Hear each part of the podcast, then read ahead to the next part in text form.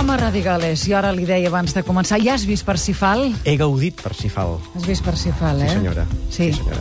He vist Parsifal, és un espectacle meravellós que recomano a tothom i recomano en tot cas també als oients que l'escoltin per Catalunya Música el proper dilluns 28 de febrer, uh Mhm. -huh. minuts abans de les 7 del vespre, perquè, atenció, comença a les 7 i s'acaba a un quart d'una.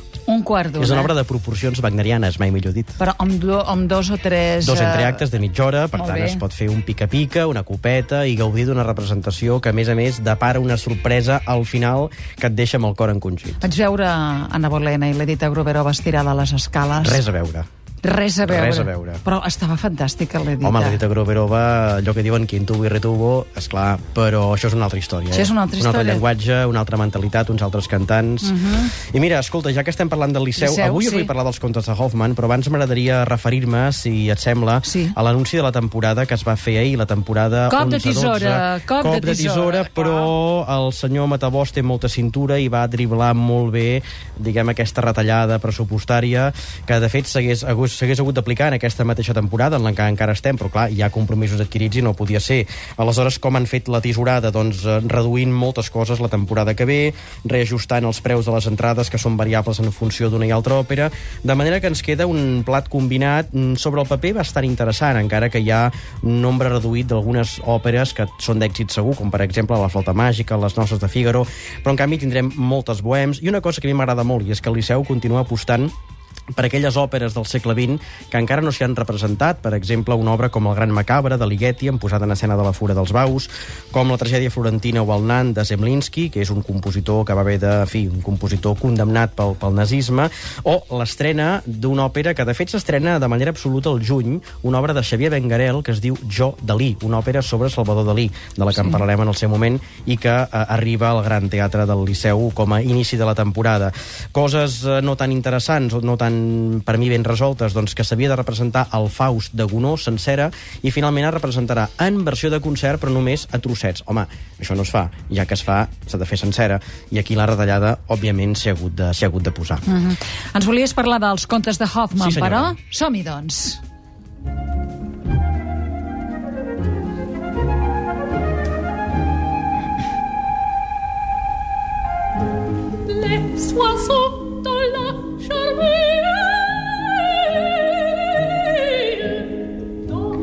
Doncs mira, Els contes de Hoffman és una òpera de uh, Jacques Offenbach, que de fet és conegut com el rei de l'opereta, l'autor d'obres com La Bella Helena, Orfeu als Inferns, i que arriba a Sabadell a partir de demà.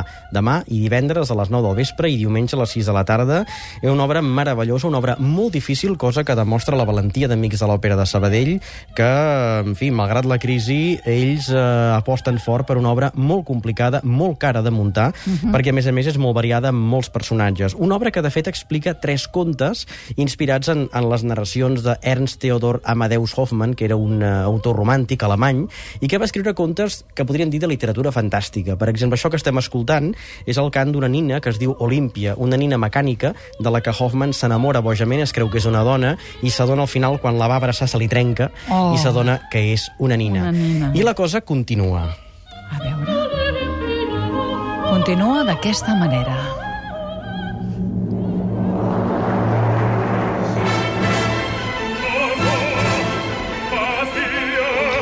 La fatalitat. Perquè a Hoffman sí. tot li surt malament. S'enamora sempre de dones impossibles. I és que Hoffman no s'assabenta que la dona que únicament se l'estima de debò Sí. és la seva musa, la que l'inspira per fer contes. No pot estimar dones reals perquè totes s'acaben morint. Per exemple, Antònia, que és la del segon conte, que és una cantant d'òpera maleïda i que perd la veu. I finalment, Hoffman va a Venècia. I atenció perquè això us sonarà i molt.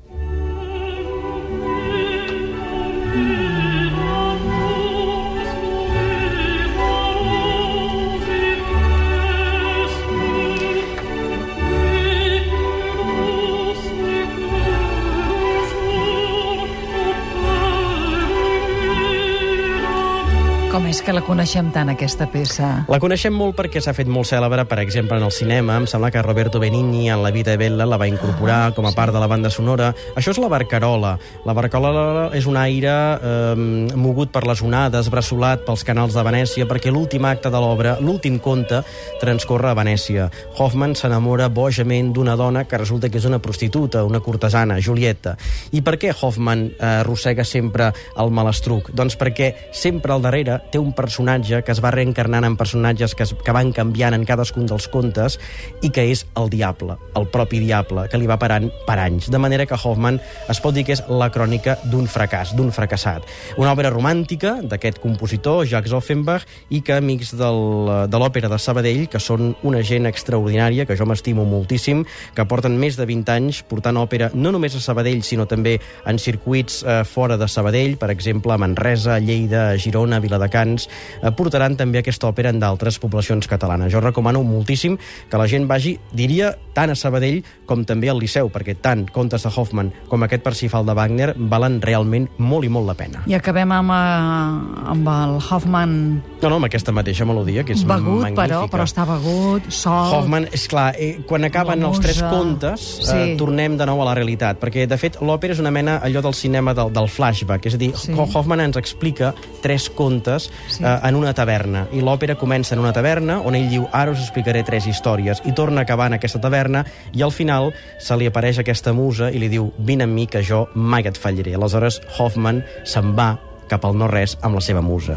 Gràcies, Jaume Radigales. A tu. Fins dimarts.